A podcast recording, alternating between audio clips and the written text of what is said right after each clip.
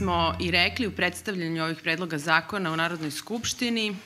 da ukoliko javnu raspravu ne budemo mogli da vodimo tamo gde je to predviđeno, dakle u institucijama, da ćemo je preneti na drugo mesto i da želimo da ova važna pitanja pokrenemo i da sa njima, o njima razgovaramo i sa stručnicima i sa građanima i građankama. E, dakle, e, danas e, predstavljamo suštini rešenja koje se nalaze u dva predloga zakona. Ono što e, je najupečetljivije u ovim predlozima jeste s jedne strane uvođenje takozvanog ekstra profita za kompanije u određenim delatnostima koje su ostvarile enormnu ekonomsku korist koristeći trenutnu krizu. Neki od tih delatnosti jesu eksploatacija i trgovina naftom i drugim energentima, u čemu prednjači naftna industrija Srbije. Um, zatim uh, na sreću i uh, trgovina oružjem. Uh, druga važna mera jeste oslobađanje od poreza na jedini porodični dom, što predstavlja deo našeg predizbornog programa i na republičkom i na gradskom nivou. Kao što je i predlog o kontrolisanoj, kontrolisanim zakupninama s jedne strane došao kao nešto što je odraz i iskustava iz drugih zemalja, ali takođe i nekog istorijskog iskustva koje je ova zemlja imala i na čemu se zahvaljujem da nas je tome podsjetila Ivana Anđelković iz Krova nad glavom, koja je svoje master radu pisala upravo o međuratnom periodu, o kontrolisanim zakupninama, dakle, još posle Prvog svetskog rata, dakle, u tom nekom isto kriznom periodu, koji na neki način, ali u potpuno drugačijem kontekstu se ponavlja i sada, tako i naš predlog o vanrednom kriznom porezu na ekstra dobit, pravnih lica. Dakle, nije nešto što smo mi sami smislili, nego jeste jedan opet rezultat kriznog ratnog trenutka i rešenja sa kojim je izašla čitava Evropa. Konkretno imamo ovde sada uzore i u Evropskoj uniji koja je obavezala svoje zemlje, zemlje članice da uvedu ovakav vanredni krizni porez na ekstra dobit pravnih lica i mi smo se ugledeći na to predložili jedno takvo rešenje. Kao što ne smatramo da je u redu da neki ljudi završavaju na ulicama, dok drugi profitiraju, dakle, potpuno disproporcionalno povećavajući stanarine, tako nije u redu ni da, recimo, građani suštinski kreditiraju, na primjer, NIS, a da onda on ima četvorostruku, petostruku dobit, da mi imamo sve ovo vreme skoro najviše cene eh, dizela i benzina u regionu, u periodu kada je promenjena struktura uvoza nafte, dakle sa nekakvim obrazloženjem da je ruska nafta jeftinija, a da onda zapravo mi to ne vidimo u cenama koje dolaze do građana. Uh, I ja sam o tome govorila na sednici o rebalansu budžeta, dakle da jedan narodni budžet bi u stvari, čak i ovog, mimo ovog našeg predloga uvođenju vanrednog kriznog poreza na ekstra dobit pravnih lica, dakle da situacija sa nisom i sa tim cenama e, goriva pokazuje da e, je potrebno nekako to preraspodeliti, zato što apsolutno nije fair situacija u kojoj građani e, osiromašuju, sa inflacijom smo svi siromašni, dok neko ubira ekstra profit, A na sve to vam ministar e, Mali kao predlog, kao odgovor na to zašto se uopšte ne namerava usvajanje ovakvog predloga uvođenju poreza na ekstra dobit, kaže da je zapravo njemu jako važno da se očuva, da se očuva predvidivo privredno okruženje. Um, to bi onda značilo da ukoliko mi predlažemo nešto što je nepredvidivo uh, uh, okruženje za privredne aktere, da onda cela Evropa isto to radi, dakle da mi smo sumanuti u svom, svojim zahtjevima jednako kao i sve zemlje članice Evropske unije, uh, koje, dakle, to su sve zemlje i u okruženju, koje su ili već usvojile te mere ili će ih usvojiti do kraja ove godine. Uh, um, te da zapravo njegov argument, ja bih rekla, ipak ne stoji, jer ako sve zemlje uvode ovakav porez na ekstra dobit, dakle, ničim mi nećemo onda oterati neke privredne aktere ako bismo takođe usvojili isti takav a, a, isti takav zakon. To je naš predlog i on je takođe u skladu opet i sa ovim drugim predlozima vezanim za porez na imovinu, gde mi ukazujemo na to da s jedne strane ljudi koji su jedva se skrpili da e, steknu svoj porodični dom ne treba da plaćaju porez, na, e, na tu imovinu, što, što je slučaj, dakle da se taj porez ne plaća u mnogim razvijenim zemljama, Dakle, ponovo ovde imamo, uh, kako da kažem, jedno jednostavljanje globa na obične ljude, dok se kreira povoljno okruženje i subvencionišu se veliki igrači, dakle neki povlašćeni pojedinci, korporacije, javno-privatna partnerstva i to vidimo iz nečega što stoji u našem zakonu o porezima na imovinu, a naš je predlog da se izbriše, a to je zapravo uh, uh, to oslobođenje od poreza na imovinu za velika javno-privatna partnerstva. Dakle, mi u suštini imamo situaciju da naši porezki zakoni privileguju velike, za njih se stvara privredno okruženje koje je dobro, a mi zapravo hoćemo da stavimo fokus obične ljude. Dakle, njihovi problemi su problemi gde će da žive, kako će da plate te stanarine. Na kraju krajeva, ako se nekako skrpe da kupe stan, dakle kako će plaćati taj porez na imovinu, zbog toga je niz naših predloga u stvari tu da zaštiti obične ljude, da zaštiti njihov životni standard, a da onda u stvari se povećaju progresivno stope za one koji imaju više od toga što smatramo da je porodični dom, dakle 20 metra kvadratnim po, po, po članu članu, po članu domaćinstva taj predlog u stvari onaj predlog koji, bi, koji ne bi u slučaju, ne bi prevalio teret na zakupce. Vodili smo prosto računa o tome, o tome će malo više i profesor Svetislav Kostić govoriti u tehničkom smislu kako smo razmišljali o mogućim posledicama efekta naših zakona, ali suštinski hoćemo da kažemo, da pošaljemo jasnu poruku da Srbija prvo ne treba da bude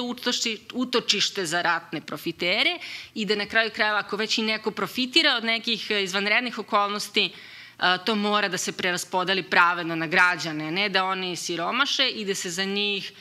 daju nekakve crkavice, da zapravo nemamo povećanja u budžetu za socijalna davanja, zaista za socijalnu zaštitu, da kada, se, kada mi spomenemo da je potrebno povećati dečiji dodatak, nam se kaže nema toliko siromašne dece, to je rekao ministar za rad i socijalnu politiku, to je preterivanje, to su njegove reči, ali rekao dobro razmislit ćemo, možda ćemo naći prostora u nekoj budućnosti za tako nešto, mi smatramo da to treba da se uradi odmah.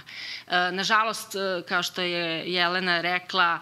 o mnogim ovim stvarima mi nemamo priliku da na adekvatan način pričamo u parlamentu. Zbog toga, dakle, mi o ovome uh, želimo da pričamo svuda i to što je prosto uh, završena sednica o budžetu i nizu porezkih zakona ne neće sprečiti da nastavimo razgovor na ovu temu. Mi smo smatrali da, i to je deo našeg programa, već dugi niz godina, da je potrebno da porodični dom bude oslobođen poreza na imovinu. Dakle, da ne trebate da plaćate porez samo zato što imate porodični dom. Porodični dom je svetinja, naravno, ne bez ograničenja. Smatrali smo da je civilizacijski minimum 20 metara kvadratnih po članu domaćinstva, Sve preko toga je oporezivo, pri čemu smo mi predložili da za one nekretnine koje imate preko ovog zabrana svetinje porodičnog doma, poreske stope budu značajno povećane, odnosno progresija koja već postoji u zakonu kod poreza na imovinu se povećava za nekih 50%. Dakle, oni koji imaju više od porodičnog doma plaćaju više poreza. Ovo opterećenje je osmišljeno i da na neki način se uhvati u koštac sa ogromnim razmerama neplaćanja poreza na davanju zakupne kretnina. Dakle, izmirivanje poreskih obaveza u ovoj oblasti je u promilima, Ali naravno, ako bi svoju pažnju fokusirali na porez na dohoda građana, opasnost koja postoji jeste da bi teret tog poreza bio prevaljen na zakupce koji već sada zakupnine nisu u stanju da plate. Porez na imovinu je znači mnogo teže prevaliti i zato smo mi rešenje pokušali da nađemo u onom porezkom obliku gde bi zakupodavac ipak na prvom mestu nosio teret povećanja, dakle vlasnik, a ne da to pokuša da prevali na, na svog zakupca. Međutim, naravno, postavlja se pitanje kako da finansiramo plemenitost, kako da finansiramo, jer uh, porezki novac koji se izgubi neka, na neki način mora da bude nadoknađen. I tu smo se oslonili na ono što je 6. oktobra 2022. godine postala obaveza za svih 27 država članica Evropske unije. Dakle, one sve moraju da do kraja ove godine uvedu jedan suštinski vanredni krizni porez na dobit uh, za ekstra dobit ostvarenu u 2022. i 2023. godini od strane kompanije u energetskom sektoru. Ja ću vam objasniti ukratko kako taj porezki oblik funkcioniše, ali daću vam primer zbog čega je pažnja fokusirana na energetski sektor i ovi podaci e, su podaci koje možete sada upravo da proverite na web stranici Naftne industrije Srbije. Dakle, neto dobit naftne industrije Srbije u poslednje četiri godine se kreće negde oko 20 milijardi dinara po godini. Naravno, u 2020. godini zbog epidemije COVID-19 je nisu ostvario gubitak. U prvih devet meseci 2022. godine neto dobit naftne industrije Srbije blizu 70 milijardi. Drugim rečima, naftna industrija Srbije je u 2022. godini, dakle za prvih devet meseci 2022. godine, ostvarila veću neto dobit nego za prethodne četiri godine zajedno. No, ako imate dobit u jednoj godini četiri puta veću nego što ste imali u prethodne četiri godine, a da to nije opravdano nekim novim izumom ili jel, ovaj, a, nečime što dovodi pod veliku novinu, dakle ovde se radi o suštinski korišćenju uslova na tržištu koji su ovaj, nametnuti ratnim okolnostima a, u Ukrajini. U ovoj situaciji mi suštinski šta radimo? I oslanjamo se na rešenje koje je dala Evropska komisija u svom predlogu i ono kaže otprilike sledeće. Uzmi četvorogodišnju dobit jedne naftne kompanije, u prosečije, vidi koliko je prosečna dobit za te četiri godine, povećaj za 20%, sve preko toga suštinski predstavlja ekstra dobit i tu ekstra dobit pogodi sa dodatnim porezom. I mi smo upravo na ovim osnovama napisali predlog zakona, gde smo smatrali da, imajući u vidu i naše lokalne okolnosti, je potrebno proširiti obuhvat poreskog oblika na još neke segmente privrede, primjer radi na trgovcu oružjem koji u ratnim okolnostima definitivno stvaraju ekstra dobit. I ukoliko vidite eksploziju igara na sreću u našim gradovima, to je još jedna od delatnosti za koje smo smatrali da je opravdano da snosi dodatni poreski teret kako bi jel, uspeli da prikupimo sredstva za poboljšanje života običnih građana. Ako pogledamo jel, igre na sreću i njihov poguban uticaj na porodicu u ovoj zemlji, na to da upropaštavaju jel, roditelje, decu, uopšte kućne budžete naših građana, opravdano je da ukoliko stvaraju ekstra dobit, prati i dodatni porez. Pri čemu ono što treba ovde voditi računa, dakle, ovde se porez plaća samo ako je ekstra dobit ostvarena. Ako nije, porez se ne plaća. Ovo je nešto što smatramo da bi moglo da obezbedi državi značajne prihode, dakle govorimo o desetinama milijardi dinara i upravo vodeći se iskustvima, odnosno uzorom koji imamo iz evropskog zakonodavstva i mi smo predložili da ovaj poreski oblik bude namenski, odnosno da se sredstva prikupljene na ovaj način namenski usmere ka lokalnim samoupravama kako bi one dobile dodatna sredstva upravo u ovoj situaciji da rade na poboljšanju uslova običnih ljudi, ljudi koji ovde žive. Dakle, ono što je nama stambena kriza pokazala jeste da, nažalost, živimo u zemlji u kojoj uslovi nisu pravljeni za ljude koji ovde živi i koji ovde treba da ovaj, gaje svoje porodice, već izgleda za nekog drugog, jer kako drugačije objasniti sreću da se u Beogradu kvadrat prodaje za 11.000 eura, mi ne znamo niko ko to sebi može da priušti, to nisu ljudi koji ovde žive, to nisu ljudi koje mi poznajemo, a sa druge strane, ako neke kompanije uspeju da ostvare tako veliku dobit, dakle da ostvare u jednoj godini go dobit koja je četiri ili pet puta veća jel, od onoga što mogu da očekuju redovnim okolnostima, onda je potpuno opravdano i pošteno da one dele, de, podele sa građanima teret, dakle da a, iz dobiti, dakle iz profita, što neće ugroziti njihovo poslovanje, podele ovaj teret krize i doprine, pomognu da u ovom trenutku dakle mi imamo sredstva za poboljšanje uslova građana kojima je ta pomoć potrebna. Ja ću bliže govoriti o tome kako ovaj set mera ima za cilj da prosto promeni sliku Beograda koju mi danas imamo. Mi danas imamo razvoj Beograda, ali e, razvoj Beograda koji izuzetno pogoduje veoma uskom krugu ljudi dok šteti zapravo veoma velikom krugu ljudi. Kako to možemo da vidimo? Prvo, za veliki broj građana je o poslednjih nekoliko meseci kirija u Beogradu potpuno nepriuštiva. Dovoljno je da samo pogledate oglase za izdavanje stanova, dovoljno je da pogledate koliki broj studenta će morati da napusti Beograd, ali ne samo Beograd, već i Novi Sad i Niš i Kragujevac. Dovoljno je da pogledate koliki broj porodica prosto ne može sebi da priušti jedno jednosoban stan koji danas košta čak i do 800 eura, da biste videli da je to stanje u ovom gradu neizdrživo. Sa druge strane, kada pogledate, jedina politika koja se vodila u tom smeru jeste da imate izgradnju Beograda na vodi, gde cena kvadrata košta 10.000 eura. Vrlo je jasno da taj razvoj Beograda je priuštiv za veoma, veoma uzak krug ljudi. Sa druge strane, u poslednjih nekoliko godina je potpisan niz javno-privatnih partnerstava koje su bili izuzetno štetni, a kada pogledate budžet grada Beograda i ono što je ova gradska vlast radila od njenog konstituisanja, vidite da je najmanje uloženo u osnovnu infrastrukturu, a to je kanalizacijona infrastruktura, vodovodna infrastruktura i prosto vam je jasno da se određeni delovi grada razvijaju, dok zapravo veoma veliki broj ljudi nema osnovne uslove za život. Na kraju, Beograđani žive u jednom od najzagađenijih gradova u Evropi. Ta zagađenost stvara ogromne zdravstvene probleme našim građanima, a vi onda vidite da metro koji planira da se gradi zapravo zaobilazi jednu od najbitnijih zdravstvenih ustanova ne samo u Beogradu, nego i u Srbiji. Grad Beograd je potpisnik nekih od najvećih javno-privatnih partnerstava u ovoj zemlji. I ta javno-privatna partnerstva ne utiču samo na Beograđane, već utiču i na ostale građane. Zašto mi predlažemo ovaj set i poreskih i stambenih politika? Vrlo prosto. Građani su ti ljudi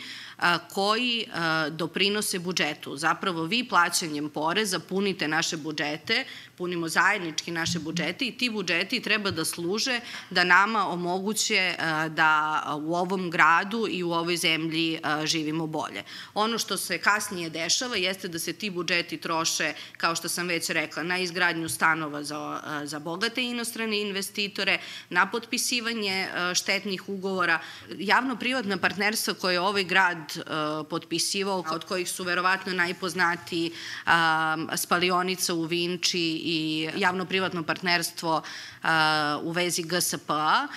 samo ta dva javno-privatna partnerstva pokazuju da ste vi budžetom, jel te, koji pune građani, te iste građane obavezali da narednih 30 godina stvaraju profit privatnom vlasniku, a da oni snose rizike tih, tih poslovanja. U predlogu ovih zakona, upravo zbog toga što smo svesni te prakse, mi smo tražili da se prekine sa tim da se privatni investitori oslobađaju poreza na imovinu koji, koji, koje je sada pri potpisivanju javno-privatnog partnerstva moguć. Smatramo da je apsolutno neprihvatljivo da dok naši građani pune naše budžete, se sa druge strane potpisuju ugovori koji donose rizik tim građanima, a da se ljudi koji potpisuju te ugovore zapravo i kompanije oslobađaju od poreza. Zato je i predlog da vanredni krizni porez služi lokalnim samoupravama za ulaganje u mere energetske sigurnosti i socijalne zaštite. Sa druge strane vam se govori da ova zemlja ide sigurno u zelenu tranziciju, da je energetska efikasnost nešto čemu jel te spremimo, stremimo, a onda vidite da gradonačelnik Beograda koji predstavlja tu politiku je potrošio nula dinara za mere energetske efikasnosti I ne samo što nije ništa potrošeno, ja mislim da je to indikator veoma ozbiljne stvari, a to je zapravo da ova vlast ne zna kako da potroši novac tako da unapredi život svojih građana. Samim tim je naša ideja bila da prosto stvari koje smatramo da su najbitnije u ovom trenutku na nivou lokalne samouprave, pogotovo kada je to slikovito kada vidimo Beograda, to su svakako usluge socijalne zaštite za koje se izuzetno malo izdvaja u budžetu i mere energetske efikasnosti. Ono što je naš veliki problem je, je da mi decenijama nedovoljno ulažemo u administrativne kapacitete Poreske uprave. Poreska uprava ima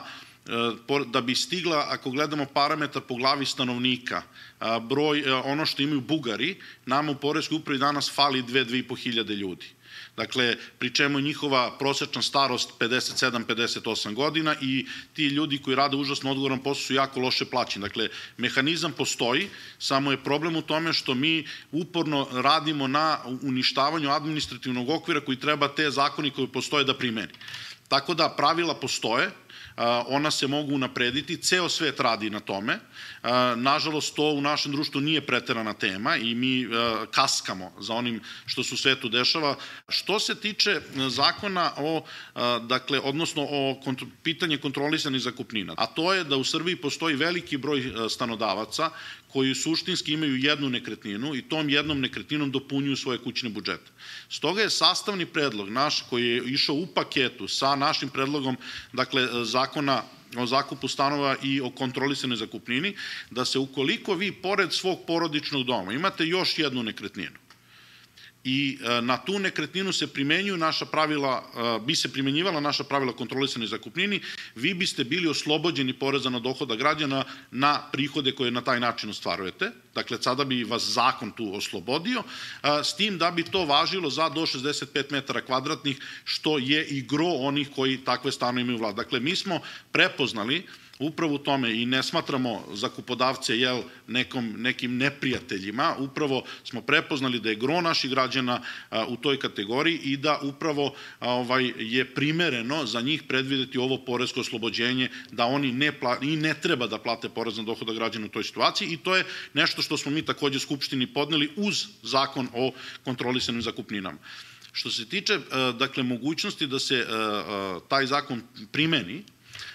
ja vas novinare pozivam da pregledate politikina izdanja iz jeseni 1919. godine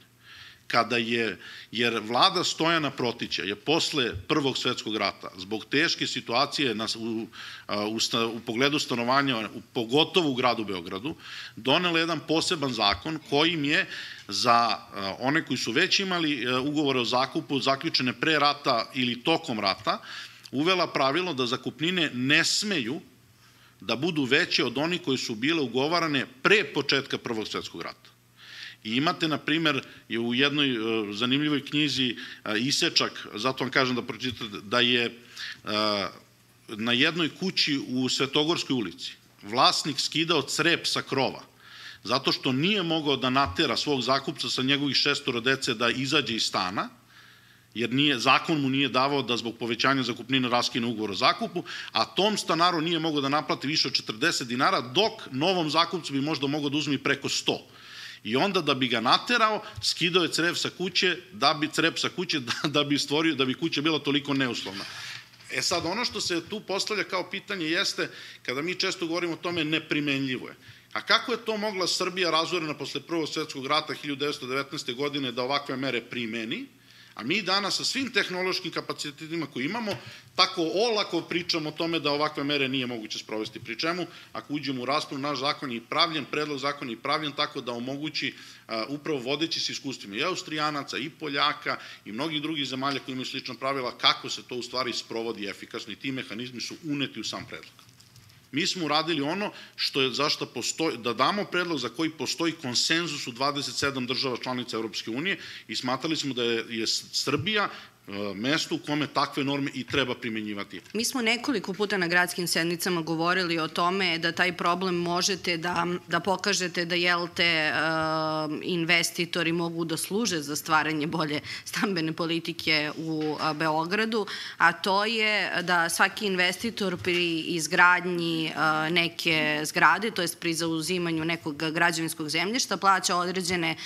takse ovom gradu. Ono što smo mi gradu predlagali jeste jeste da se 3% tog dela odvaja kada se gradi zgrada koja ima više od 2000 metara kvadratnih, a to je danas praktično bilo koja zgrada u Beogradu, da se 3% od toga odvaja, da se napravi poseban fond u gradu Beogradu, gde će se taj fond samo koristiti za izgradnju, za, za društveno odgovornu stanogradnju ili da investitor umesto, ukoliko ne želi da isplati 3%, zapravo da u toj visini stambeni objekat u zgradi. Tako bi se povećavao stan, fond u stanova u javnom vlasništvu. Mnogo toga o ovoj tematici istorijski, o iskustvima koje mi u Srbiji imamo već jel, više od jednog veka, možete, pored Ivana Anđelković, koji je pomenula Bilja i čije, od koje sam ja naučio, na primjer, šta je radila vlada Stojana Protića ovaj, pre sada 103 godine. Takođe, puno toga može da se nađe i upravo ovo iskustvo vezano za izvod iz štampe iz dela Zlate Vuksanović Macure, čija je knjiga Sirotinsko stanovanje u Beogradu 1919. do 1941. dostupna i gde je ona prikupila upravo dakle, iskustva koja ova, dakle nekada se mi, ovaj, vrlo smo laki da zaboravimo i srpsku tradiciju i i, iskustva koje ovo društvo ima. Dakle, mi ono što predlažemo nije ništa novo, ovo je nešto što su naši preci pre 103 godine umeli da urade i e, ako Stojan Protić nije bio ekstremista, onda verovatno nismo ni mi. Dakle, naš predlog e, vanrednog kriznog poreza je ograničen na dve godine, kao što i predlog u Evropskoj uniji. Dakle, prosto nije neograničen. Takođe, e, porez, visina poreza koju mi predlažemo je 39%.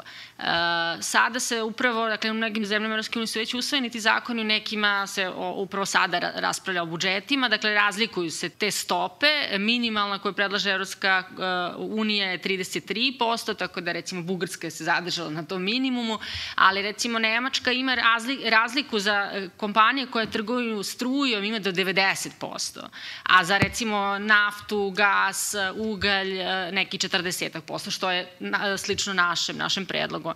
Ono što sam ja videla da je recimo Češka uključila i banke. Mi smo se ipak držali e, tog konzervativnog i sa zakupninama i sa vanrednim kriznim porezom da idemo na možda i manje cifre od onoga što bismo mogli, dakle neke druge zemlje imaju mnogo veće e, stope e, i da u suštini imamo utemeljenje. Iako ja sad samo moram da dodam da bih voljela da dođe dan što nažalost sada nije trenutak, dakle da se više ne stidimo toga da mi možda izađemo sa nečim inovativnim, da ne moramo samo da gledamo šta drugi rade, dakle da smo mi nekada bili zemlja u kojoj su ljudi mogli da predlože nekakva rešenja koja su čak i bila inovativna i da kreiramo bolji svet po nekakvoj, nekoj viziji ne, koja odgovara našem kontekstu. Mi smo izgubili to poverenje u sobstvene kapacitete, nije čudo, dakle ko vodi ovu zemlju već jako dugo, tako da sada prosto se mi trudimo da to bude utemeljeno u nekakvim drugim iskustvima, ali, kažem, vola bi da jednom trenutku dođe dan da budemo društvo da mi zapravo smo sposobni da predlažemo i prvi nekakve predloge i da nas u tome sledi ostatak Evrope. Ne možemo sa ovim predlogom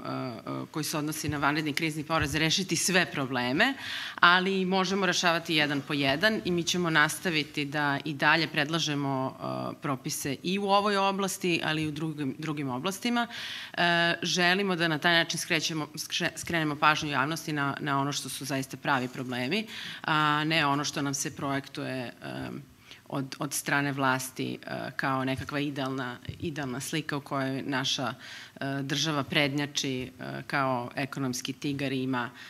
mogućnosti da, da ulaže u, u, u digitalizaciju, dok većina Srbije još uvek nema kanalizaciju. Oh, oh.